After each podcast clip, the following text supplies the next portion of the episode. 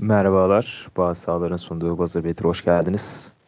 Bugün de pazartesi yorgunluğu, e, kış mevsiminin verdiği hastalıklar ve hayatın verdiği depresiflikle beraber NBA gündemini konuşmaya devam ediyoruz Hasan ve Burak'la beraber. Hoş geldiniz beyler. Ne yapıyorsunuz? Hoş bulduk abi. Hoş bulduk abi. Nasılsın? Abi bahsettiğim gibi pek iyi hissetmiyorum kendimi. Boğazımda ağrı var. Öyle biraz hasta hissediyorum kendimi ve biraz da Türkiye'ye döneceğim haftaya. Onun vermiş olduğu biraz hüzün var. E, geri dönme hüzünü. Sizde ne var ne yok? Biraz matem havasında açtık yayını ama. Cenaze kaldıracağız sanki. evet. Abi pazartesiler hep benim böyle ya. Böyle bir kötü hissediyorum. Yani herkes böyle hissediyor ama. Abi bütün gün yolda geçti benim de. Bir kısa bir Türkiye ziyareti sonrası döndük Kürtçü dükkanına. Normalde tam tersi olması gerekirdi ama yani bakalım işte biraz. Şey, Kürtçü dükkanı da şey ya Milano. Yani. yani alışma, toparlanma, eşyaları yerleştirme, evi bir daha düzene sokma durumları devam. Hala yerleşemedin mi oğlum oraya? Yok yok yerleştim de hani 4-5 gün kapatmıştım. Bir şeyler eksikti evde. Bir şeyler getirdim falan filan. Yeni geldim yani. Yemek yedim. Sonra dedim Z- ki zeytin podcast'e gel. mi? yok abi zeytin Milano'da zaten iyi. Ana Gayet. Yani. Evet problem yok ondan yana. Hasan sen ne yapıyorsun abi? Tokatlamışlar abi galiba maçta. evet ya. Bugün fakülte turnuvası maçı vardı. Yenildik yani. Kaç şey gibi bitti. NBA NBA maçlarının ilk çeyreği gibi maç skoru oldu. 39-37 bitti maç. Harika verimli hücumlarla. İyi kardeş. Şey mi bu? Say sen Space basketbol mu? Aynen. Aynen öyle. Baya, baya iyi Çetin yakın maç geçmiş ya. iyi olmuştur ama yine. Şey kaç, kaç dakikası evet, kaldı? Baya keyifliydi de işte sonunda yenildik ya. Buradan Hacettepe Tıp Fakültesi'nde tebrik ediyorum. Hasbel kader dinleyen varsa kardeşlerim iyi oynadılar. Biraz sert oynuyorlar. Biraz her yerim ağrıyor falan ama olsun yani. Şey diyebilir miyiz? 20 seconds or more. Aynen. 23. saniyede şut atılıyor falan böyle. Zaten şey olmadığı için biz maçtan önceki gün falan toplandığımız için böyle adamlar da yaz başından beri idman yapıyormuş galiba. Böyle adamlar koşmaya çalışıyor, tam sağ baskı yapıyor. Biz de tam tersi böyle 20 saniyede falan hücum etmeye çalıştık yani. Aynen 20 seconds or more oldu. O zaman yani. Basketbolun zirvesi Hacettepe'den şöyle NBA'ye doğru biraz alçalalım diyorum. Ne dersiniz abi? İyi olur. Alçalalım şey, bakalım. Doğu'nun NBA. yükselen takımı, yükselen yıldızı, parlayan yıldızı Detroit'le başlayalım diyorum. Olur valla. Bayağı son dönemde iyiler yani şaşırtıcı şekilde. Tatsız ya. Aslında tatsızız değil mi? Böyle Detroit Pistons çok fazla görmek istediğimiz takımlardan biri değil organizasyon olarak son birkaç yılda. Hiç değil. Abi böyle e, bir ara %50'nin falan altındaydı bu takım böyle %50'nin 7 galibiyet altındaymış hatta. Şu anda 8. sıranın 2.5 galibiyet üstündeler. Yani bu övdüğümüz Brooklyn'in önündeler şu an. Aynen ve dahaki maçları da sanırım Brooklyn'le. Ee, Burak Spen'le başlayalım. Yani ne oldu da bu All-Star arasından sonra bu kadar farklı bir e, Detroit izlemeye başladık? Yani bu Dwayne Casey'nin saha içinde yaptığı bir değişiklikten dolayı mı yoksa oyuncuların e, sahayı yansıttığı ekstra performanstan kaynak, e, performanstan mı kaynaklanıyor abi? Abi hepsinden önce Detroit e, savunma yapmayı öğrendi ya da savunma yapmaya başladı diyeyim. Daha doğru olur. Son 15 pardon e, savunma yapmaya başladı. Savunmasının sadece yeterli olmadığını görüp hücumda da oldukça etkili bir hücum ortaya koymaya başladı. Son 15 maçta hücumda NBA birincisiler. Evet. Yani böyle bir gerçek var ortada.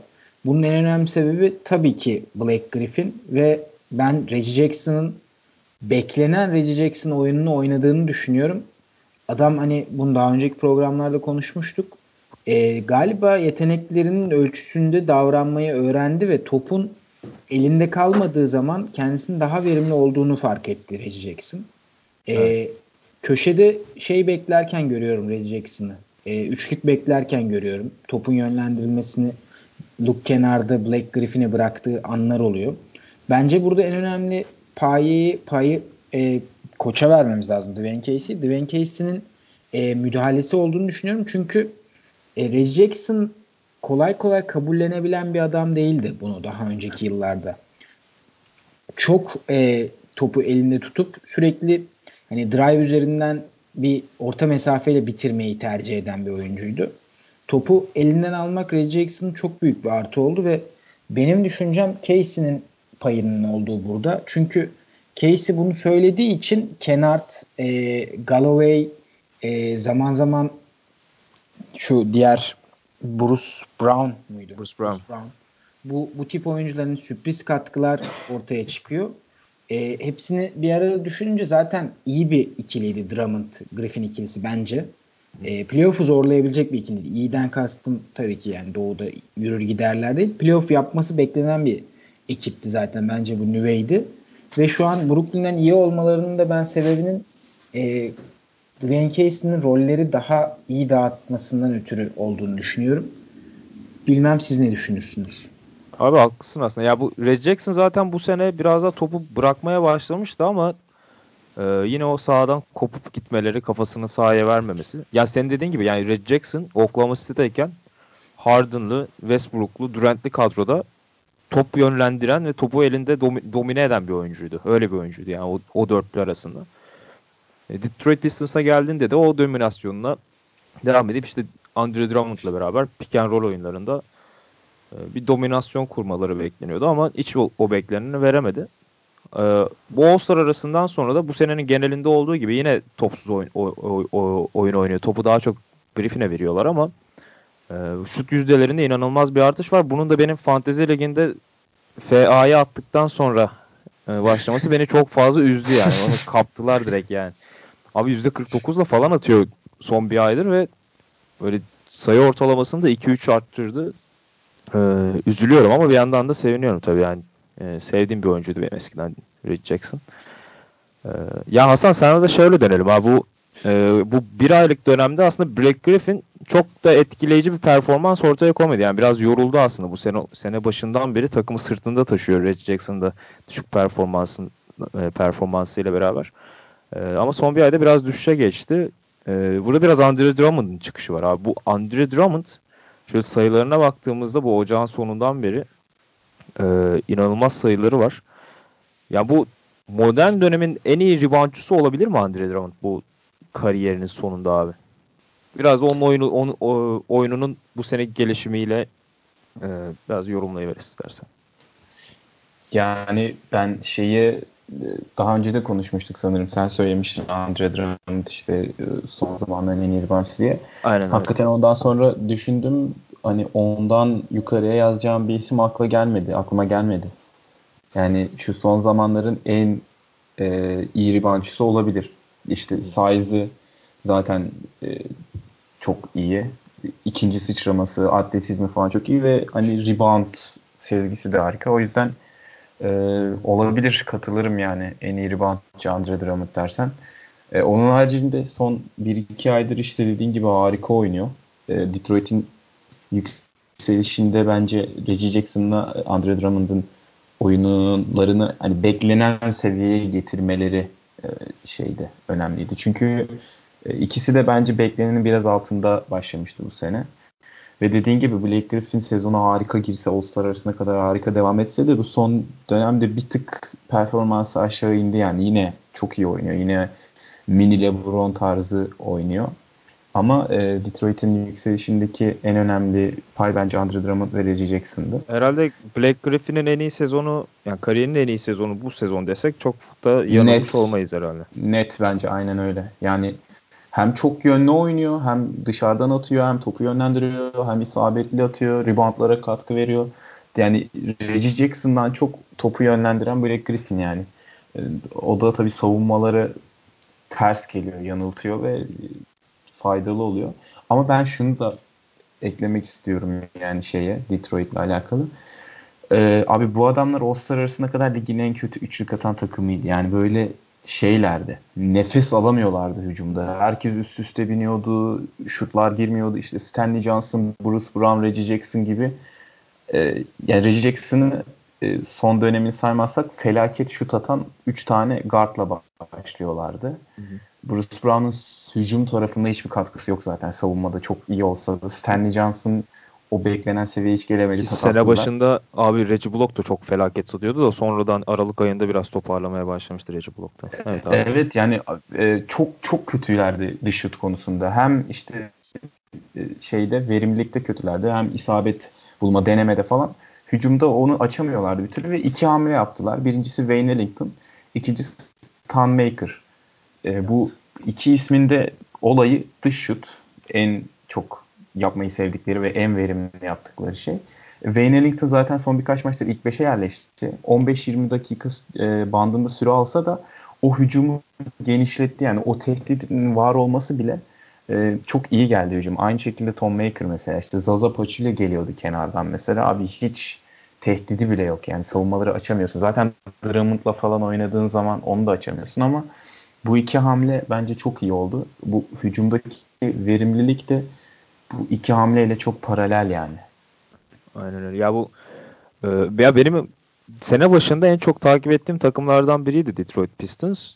E, son birkaç ayda çok e, izleme fırsatı bulamadım ama izlediğim kadarıyla abi çok fazla top paylaşımı yapıyorlar. Bu All-Star arasından sonra özellikle Wayne Ellington'ın da katılımıyla beraber e, sürekli içeri kat etmeler, e, boş perdeler, e, perde oyunları. Yani hücum setinde de bir genişlik yaratmıştı Dwayne Casey ve e, yani Wayne Ellington'ın katkısı burada e, yatsınamaz. Bu Tom Maker'ın da e, spacing'deki katkısıyla beraber e, bayağı e, alternatifli bir hücum silahına sahip oldular bu hücum setleriyle beraber. E, ya Burak sana tekrar şöyle döneyim abi. Bu şimdi sıradaki maçları Brooklyn'le 6. sıra için. E, ama önlerinde Magic, Heat ve Hornets'le oynayacağı maçlar da var. Ya bu takım böyle bir tekrar bir krize girebilir mi? Yoksa sence 6. sırayı veya 7. sırayı garantilediler mi? Ya bir de şey de var. Yani 6. sırada ve 7. sırada bitirmek de aslında biraz da farklı yani. Bu 7. sırada bitirince e, Toronto ile oynayacaksınız. 6. sırada bitirirseniz büyük ihtimalle Indiana veya sorunları olan e, hala çok fazla şeyin oturmadığı e, Philadelphia ile oynayacaksınız. E, ya bun, e, bu takım bir ta- tepe taklak gitme ihtimali var mı sence abi? Abi tepe taklak biraz bence hani çünkü ee, direkt rakipleriyle oynayacaklar bu. Bu durum ha. yani şu dört rakibiyle doğrudan oynayacaklar ya bu süreçte. Evet ben de işte fikstürüne bakarken Detroit'in aynı zamanda diğer rakiplerine de baktım. Ee, bir Cleveland ve bir Phoenix maçı var. Ee, arada. Bir de en sona Memphis ve New York maçı var. Yani Abi, kalan Phoenix'i hiç küçümseme lütfen. Evet. o ayrı bir nokta tabii. 16 maçları var işte. 16 maçın 4'ü hani e, cepte görülebilir. Öbür 12 maçı kaybetse şaşırmayacağımız maçlar. Çünkü hepsi hani playoff potasındaki rakipleriyle veya Batı'nın hani iyi takımlarıyla Denver, Golden State, Portland gibi takımlarla oynuyorlar. O nedenle ben tepe taklak gitmelerini pek olası görmüyorum. Çünkü e, özellikle Detroit'in son 5 e, maçtır galip geliyorlar. Son 15 maçta işte 3 yenilgileri var galiba. Hepsini bir arada düşününce Orada tabii ki fikstürün ufak tefek artıları, katkıları oldu. Nispeten kolay rakiplerle oynadılar ama ben Detroit'in bu artan momentumunu avantaja dönüştüreceğini düşünüyorum. Çünkü e, playoff için gerçekten aç bir takım hüviyetindeler. Öyle görünüyorlar. Öyle oynuyorlardı. İştahlılar da. Ben şeyi okumuştum. Onu söylemeyi unuttum.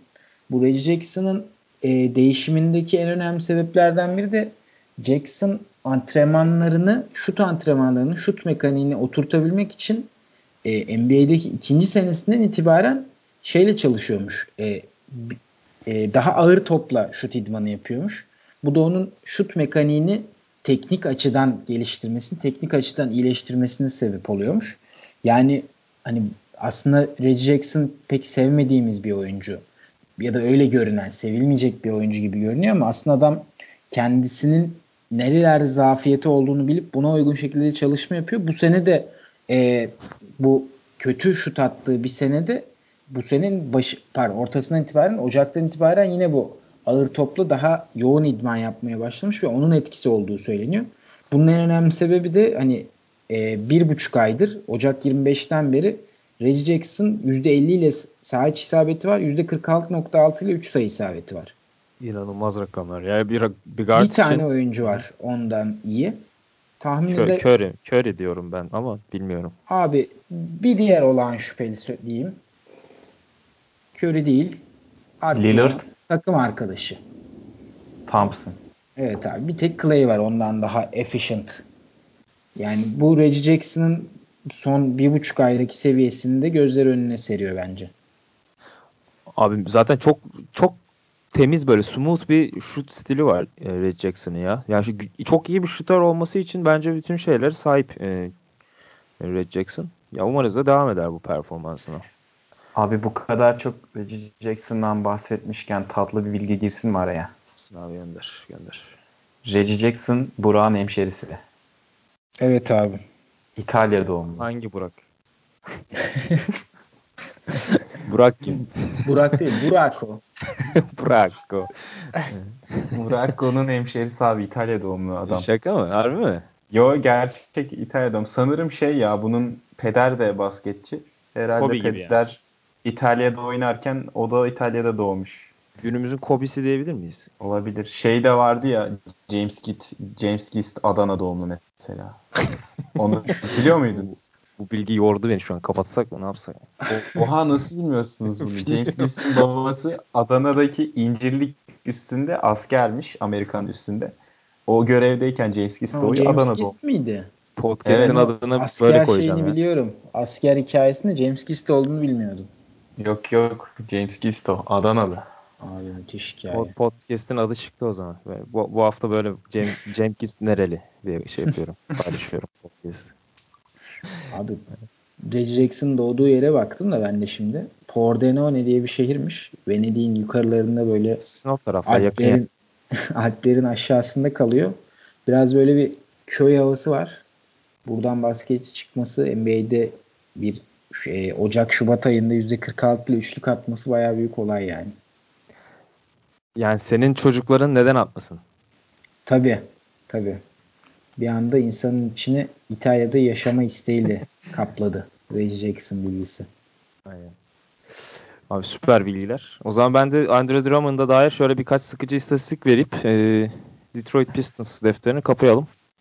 E, şöyle Andre Drummond'ın Ocak 25'ten beri 21 sayı, 16 rebound, 2 blok, 2 top çalma ve %62 FG ortalaması var. Bu bana biraz şeyi anımsattı ya. Bu 2011 Dwight Howard e, ortalamaları. Aynen öyle. Bir de, bir de 6 sezondur falan 4.5 hücum reboundun üstünde hücum reboundu ortalaması var. Ya ben şöyle hani e, yayının başında söyledim.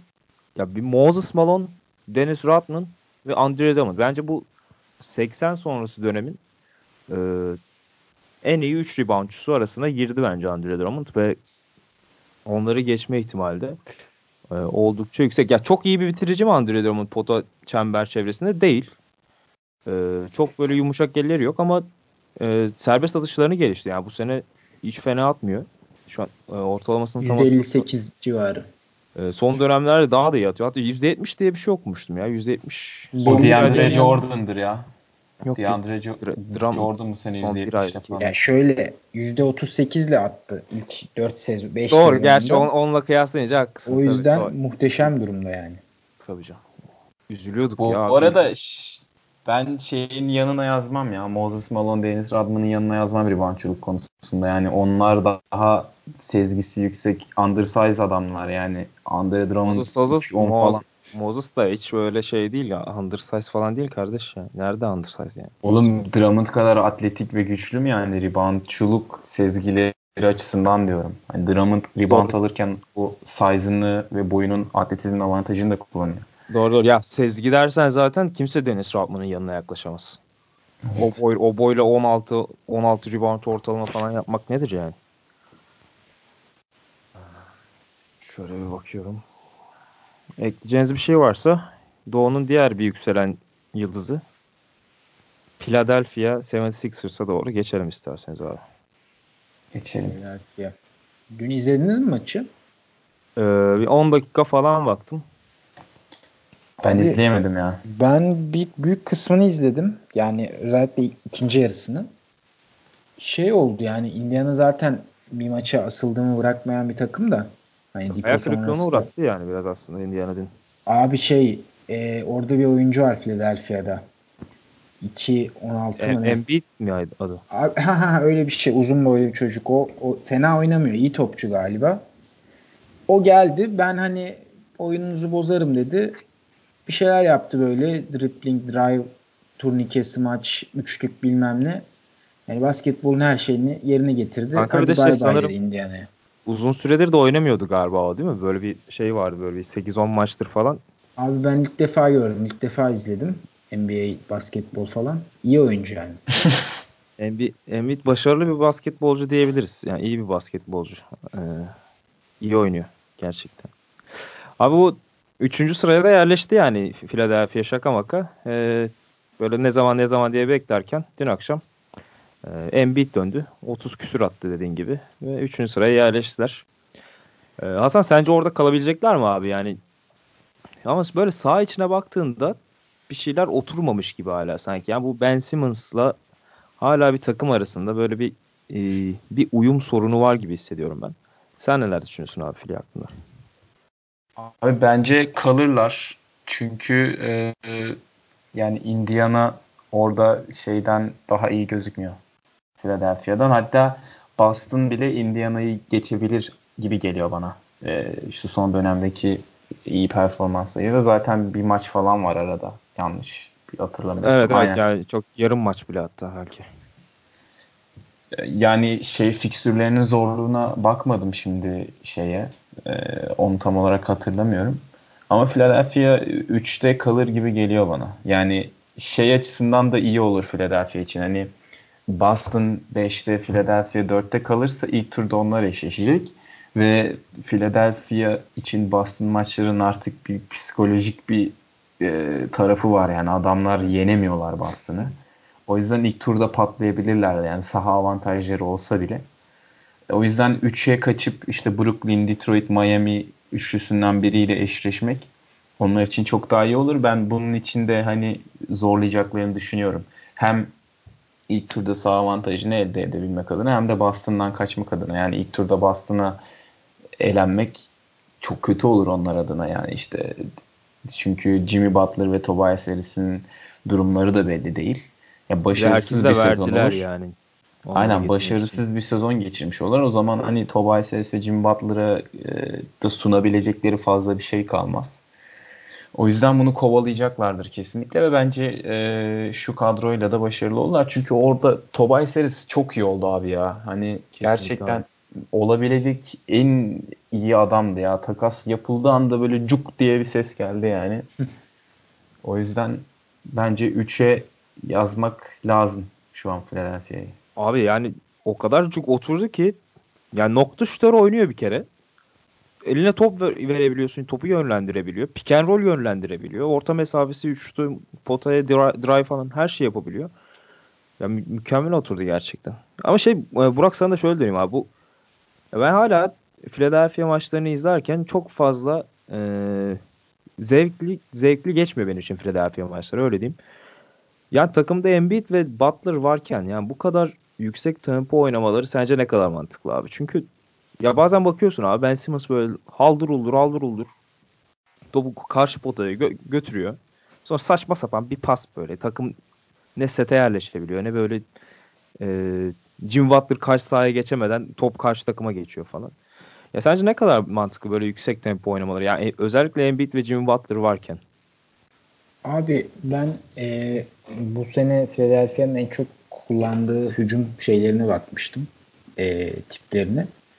En sık kullandıkları şeydi transition'dı. Yani tempoyu arttırarak hani temponun artması sonucunda elde edilen hücum olan transition. Bunun en önemli sebebi de hani çağımızın en önemli Philadelphia problemi Ben Simmons'tan kaynaklanıyor. Çünkü Ben Simmons'ın güvenebileceğimizi geçtim herhangi bir şekilde bir şutu yok. Durum yani bu şekilde olduğu zaman Ben Simmons'ı maksimize edebilmek için seçtikleri bir yol olduğunu düşünüyorum bunu. Çünkü bu takımı e, normalden aykırı bir yere doğrultuya sokan şey Ben Simmons'ın açık alandaki özellikle hem pas hem dribbling yeteneği fiziğine oranla. Çünkü NBA'in geldiği son noktada zaten hani rebound'u alıp topu yere vurup karşı sahaya geçmenin önemini hepimiz iyi biliyoruz. E ben Simmons da bunu yapabilen en, en iyi oyunculardan, oyunculardan biri. biri. Aynen en iyi oyunculardan biri. Yani Ben Simmons gibi bir oyuncu elindeyken başka bir şey oynama şansı pek kalmıyor aslında Philadelphia'nın. Evet. Eğer Simmons şut atmayacaksa. E, yani transition'larda da lig ortalamasının çok hafif üstünde bir e, ortalamayla sayı buluyorlarmış. Yani onlar açısından da bir problem görünmüyor burada. Bence Ben Simmons'ın varlığını bu şekilde kompanse ettikleri sürece transition'ları zorlamaları gerekiyor. Ama şeye katılıyorum yani başka bir takımı izlerken mesela Detroit'i izlerken yetenekleri Philadelphia oranla beklentilerimizin de düşük olmasından dolayı biraz da az şey bekliyoruz ama daha böyle ilginç şeyler görebiliyoruz. Şey, daha ilgi çekici olabiliyor Detroit evet. mesela. Ama Philadelphia izlerken birazcık sıkıldığım oluyor benim. Özellikle mesela Embiid'in olmadığı bir haftada bir 10 günde gerçekten biraz sıkıcılardı. Embiid dün mesela tek başına bir şeyler yaptı. Ama genel olarak geçen sene playoff'ta da en büyük problem buydu. Ee, çok nasıl denir ilkel yöntemlerle sayı bulmaya çalıştılar. Özellikle playoff'ta transition'a vuramıyorsun oyunu. Transition'a getiremiyorsun kolay evet. kolay. Bunu düzeltebilirlerse bu sene transition'ı yıkabilirlerse oyunu Boston karşısında yine e, bir sürpriz yapma ihtimalleri olabilir bu sefer diye düşünüyorum. Ya, özellikle ben Jim Butler hamlesinin ya bu oyunu transition'a yıkamadıkları zamanlarında çok işe, işlerine yarayacaklarını düşünüyorum. Yani bu Jim Butler belki de pozisyonun en iyi pick and roll oynayan e, shooting guard'ı. E, ve maç toplarını da evet. yani maç toplarını da genelde Jimmy Butler'ın eline veriyorlar. Yani J.J. Redick'e handoff oynayamadıkları zamanlarda Jimmy Butler genelde e, maç toplarını kullanıyor. Zaten Ben Simmons'a maç topu vermeniz imkansız. Verildi işte bir Boston maçı mıydı o? Bir uzatmaya giden o baya kötü oynamıştı. Yani top elinde patladı adamın. Şut atmadığı için sürüyor sürüyor sürüyor. Birini arıyor. Kimseyi bulamayınca elini patladı top. Aynen. En kritik ee, anda. Ya bir de şey diyeceğim ya bu Jim Butler yani çok iyi pick and roll oynuyor dedim ama yani pick and roll'ü hakikaten çok kullanmıyorlar Jim Butler'da bu sene. Yani maç içerisinde iki kere üç kere en fazla deniyor Jim Butler. Ee, ya benim aklıma da şöyle bir soru geldi açıkçası. Yani acaba playoff'lara mı saklıyorlar? Yani çünkü her takımın bir playoff yani gizli silah e, normal sezonda oluşturuyorlar. Bir şekilde playoff'a gizli bir e, silah saklıyor takımlar. Bu Jimmy Butler pick and roll'ü e, playoff'lara saklanan bir silah olabilir mi sence Hasan abi? Yani abi bilmiyorum da e, saklıyor olsalar iyi olur yani. Çünkü Çok hakikaten Philadelphia yani bulamazlar. Philadelphia'yı hücumda izlemek çok keyifli olmuyor yani diğer türlü. Çok işte kat üzerinden, NBA'de post-up üzerinden falan oynamaya çalışıyorlar. Tahmin edilebilir oluyorlar yani. Abi ben, 2019'da zaten biraz, ben nasıl pick and rollsüz hücum ben, ediyorlar anlamıyorum.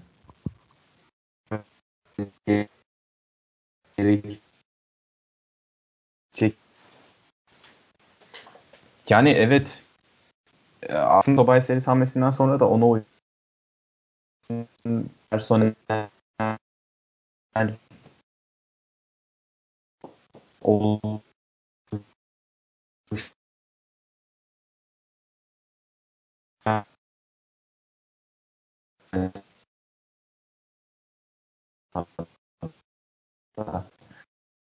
Abi şu an ben sizin sesinizi alamıyorum da umarım sizde iyi geliyordur yani ses. Ben de hiç alamadım abi. Hasan'ın sesinde bir problem oldu.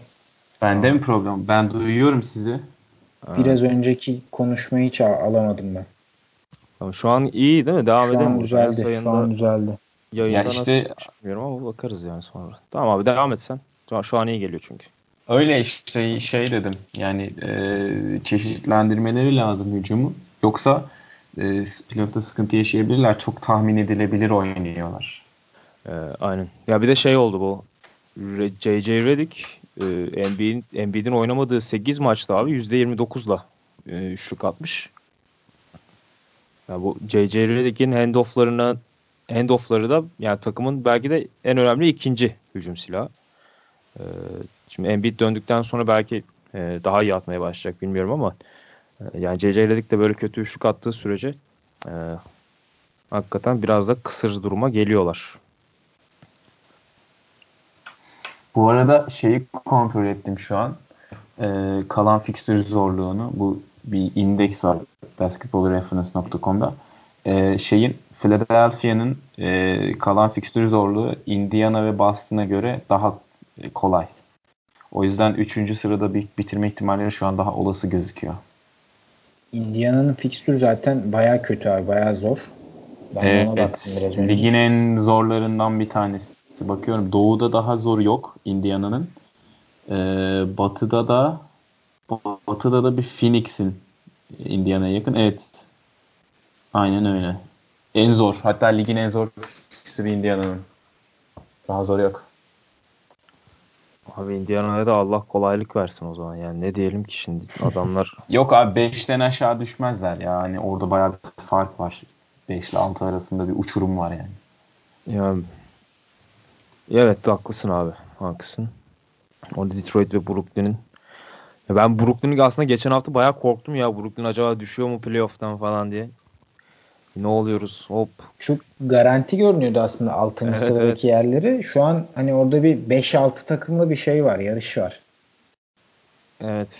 Yani Le- Levert ve Dinwiddie'nin dönüşleri çok iyi yaramadı. Çok iyi yara- yaramadı Brooklyn'e Evet.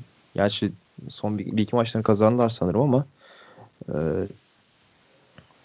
neyse onları da yani daha sonra konuşuruz o zaman.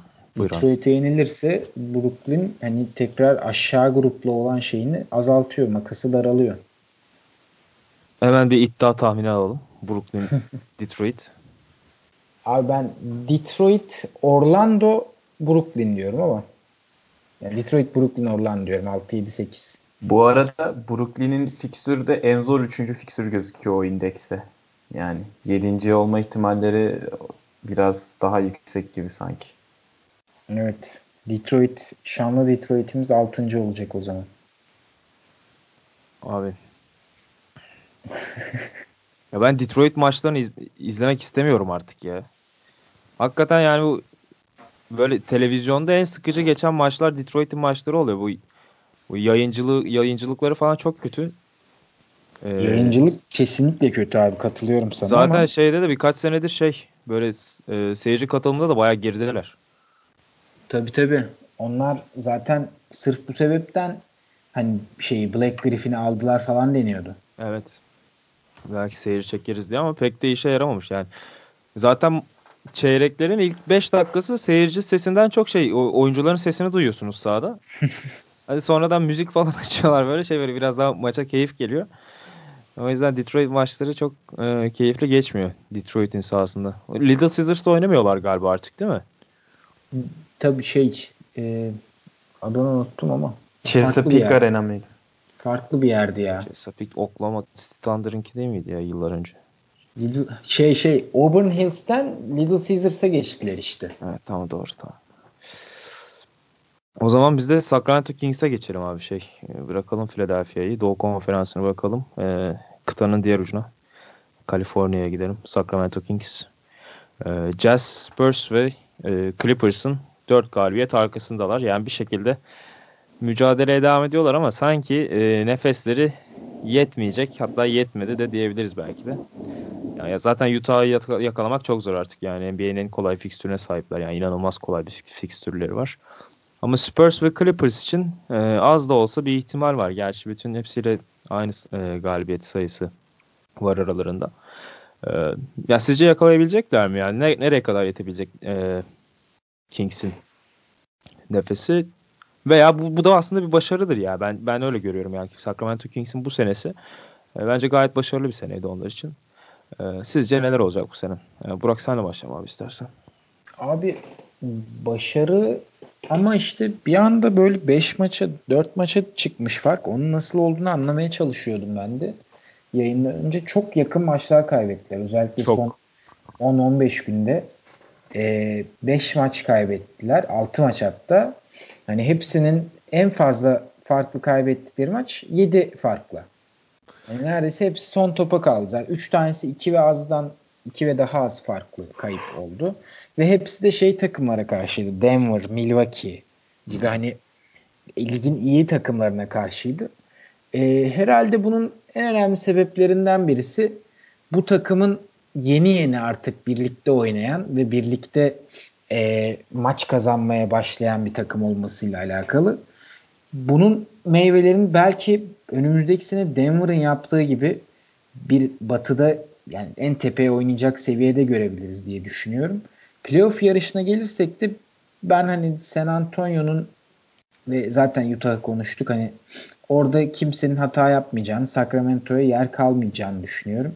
Hı hı. Ee, benim düşüncem Clippers'ın burada düşmesi yönündeydi ama Clippers bütün dünyayı, bütün ligi şaşırttı. Ve bayağı da iyi basketbol oynuyorlar açıkçası. Sacramento onları da yakalayamayacak gibi. San Antonio zaten bence Clippers'tan da daha garanti konumda kalması. İkisinin derecesi eşit ama şu an. Hı hı. Yani aslında onlar bence biraz e, tatmin olmuşlardır bu sene. Çünkü sene başında kimse herhalde onlara ya Batı Batı'daki en kötü 2-3 takımdan biri gözüyle bakıyordu e, Sacramento Kings'e çoğunluk. Ya şu anda playoff yarışında olmaları bile bence bir sürpriz e, genele baktığımızda. İşte orada Darren Fox'un yaptığı çıkış e, yani ben belki de sezonun en önemli çıkışlarından birisi ve e, en önemli sürprizlerinden birisi. E, orada da Mer Mervin Bagley sakatlandı. Yani o da çok iyi bir e, ikinci bölüm geçiriyordu ligin ikinci bölümünde. E, 17 sayı 9 reboundlık gibi bir ortalama yakalamıştı.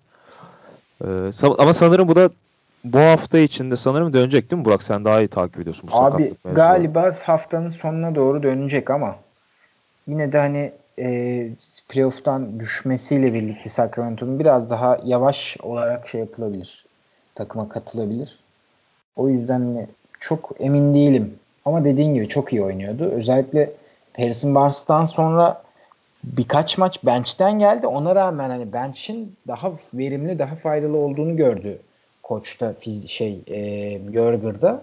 Hani o nedenle Begle aslında sene başında çok umut vaat etmeyen biriydi. Hani neden aldı Sacramento dediğimiz bir oyuncuydu ama büyük ihtimalle Sacramento'nun o çekirdeğinin en önemli bir üç oyuncusundan biri olacak. Fox, Hilt ve Bagley üçlüsü üzerinden şekillenecek galiba. Yani, e, ben şimdi Bagley demişken e, orada aklıma hemen e, Willie Cauley-Stein geldi. Benim en sevmediğim oyunculardan biridir ligde zaten söylüyorum sürekli. Abi onun yani şu anda değeri var mı bilmiyorum ama yani bir değeri varken böyle bir yan parça bir forvet e, karşılığında takaslayabilirlerse çok iyi olur. Kontratı bitiyor abi sezon sonunda onun. Harbi mi? Takaslayamazlar aynen. Hatta o zaman o zaman şeylerde zaten falan çok konuşuluyor.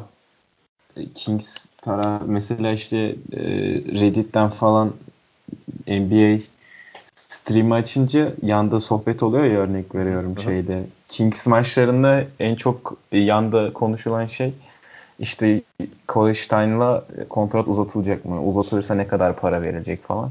Geçen işte şey tartışması oldu. 10 milyon dolardan fazla vermek lazım mı Kolestein falan. Hakikaten ilginç olacak yani. O da ne değeri ne, piyasası ne olacak merak ediyorum. Sen ne düşünüyorsun yani şu an değer hakkında?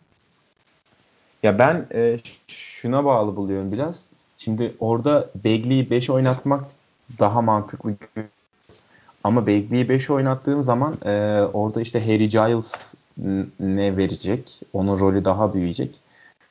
E, o, onu iyi ölçmek lazım. Yani fena gözükmedi sezonun bazı bölümünde Harry Giles. Ama işte kronik sakat ve e, tavanı ne? Onu görmek lazım. Bagley'i 5'e çekersen Bagley'nin performansı bence çok daha artacaktır.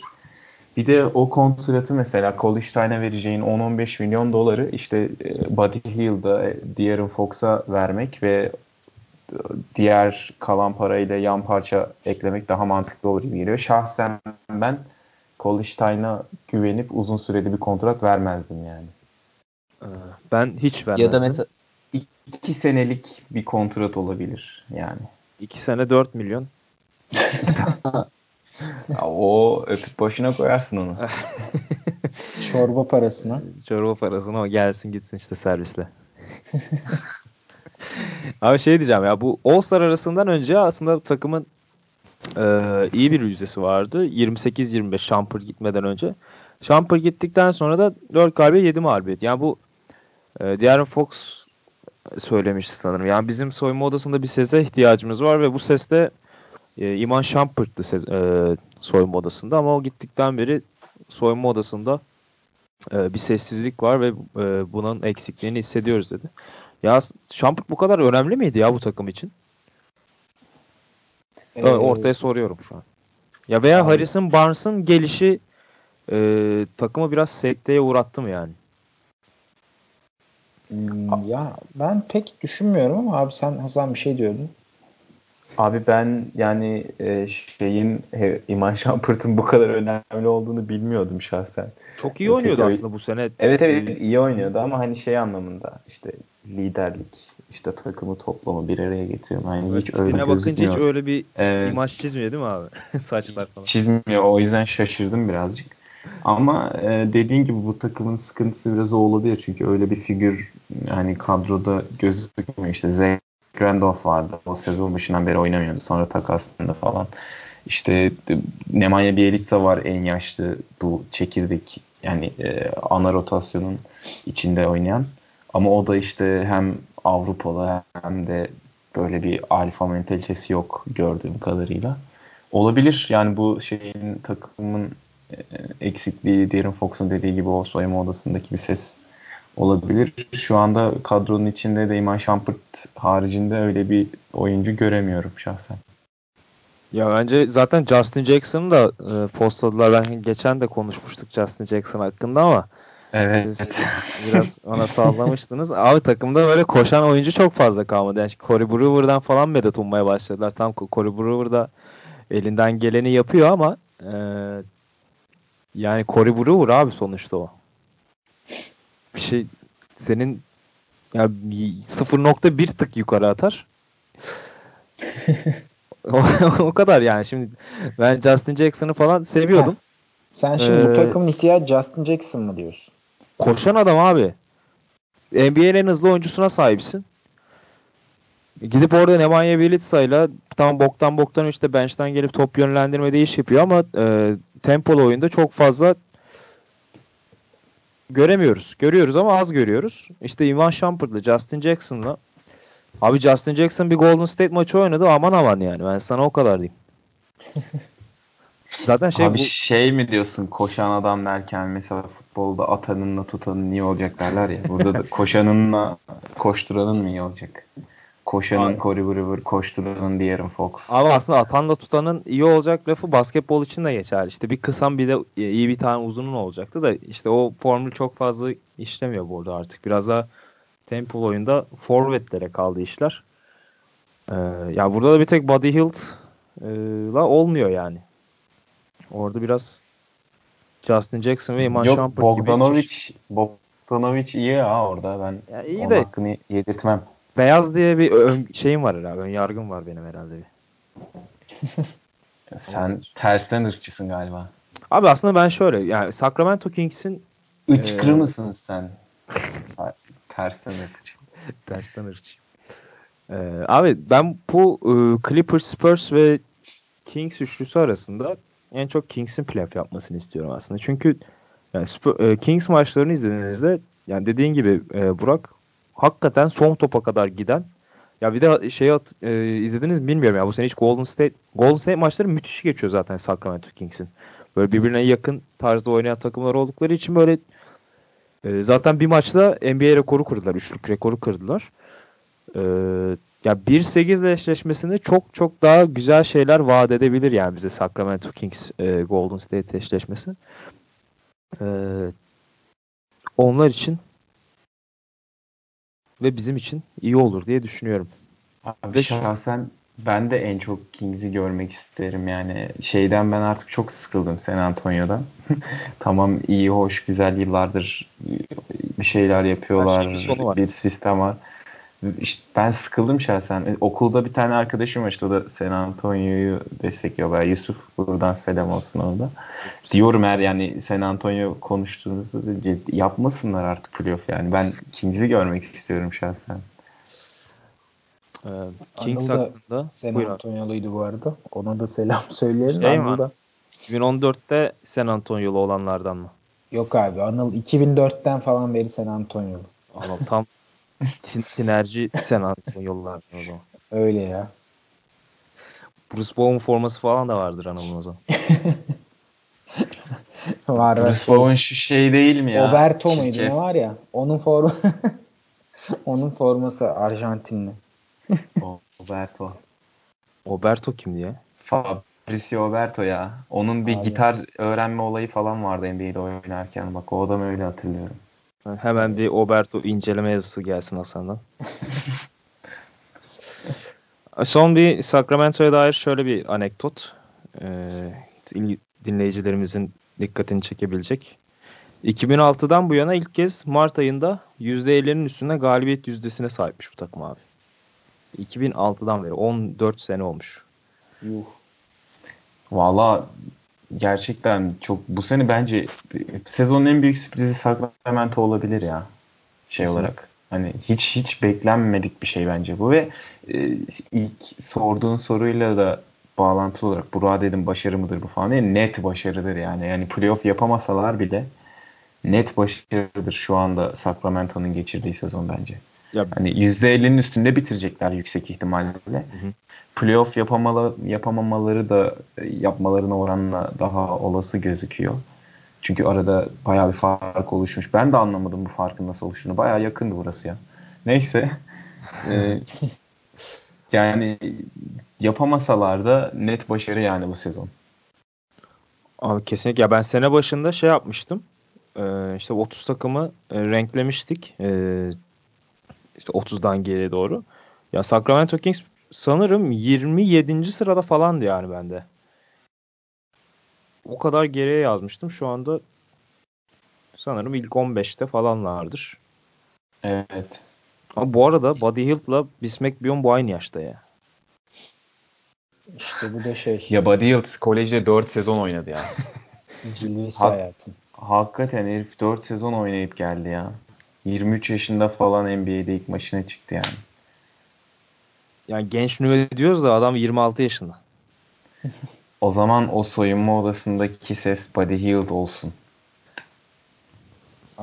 Kesin aynı olabilir. Olabilir yani. Yani Nemanja Bjelica var. Costa Kufos var. Ondan sonra Buddy Hield zaten en yaşlısı. Kostovkovs'un cenazesi kalkmadı mı ya? Geçen şey Giannis kıldı diye hatırlıyorum ben.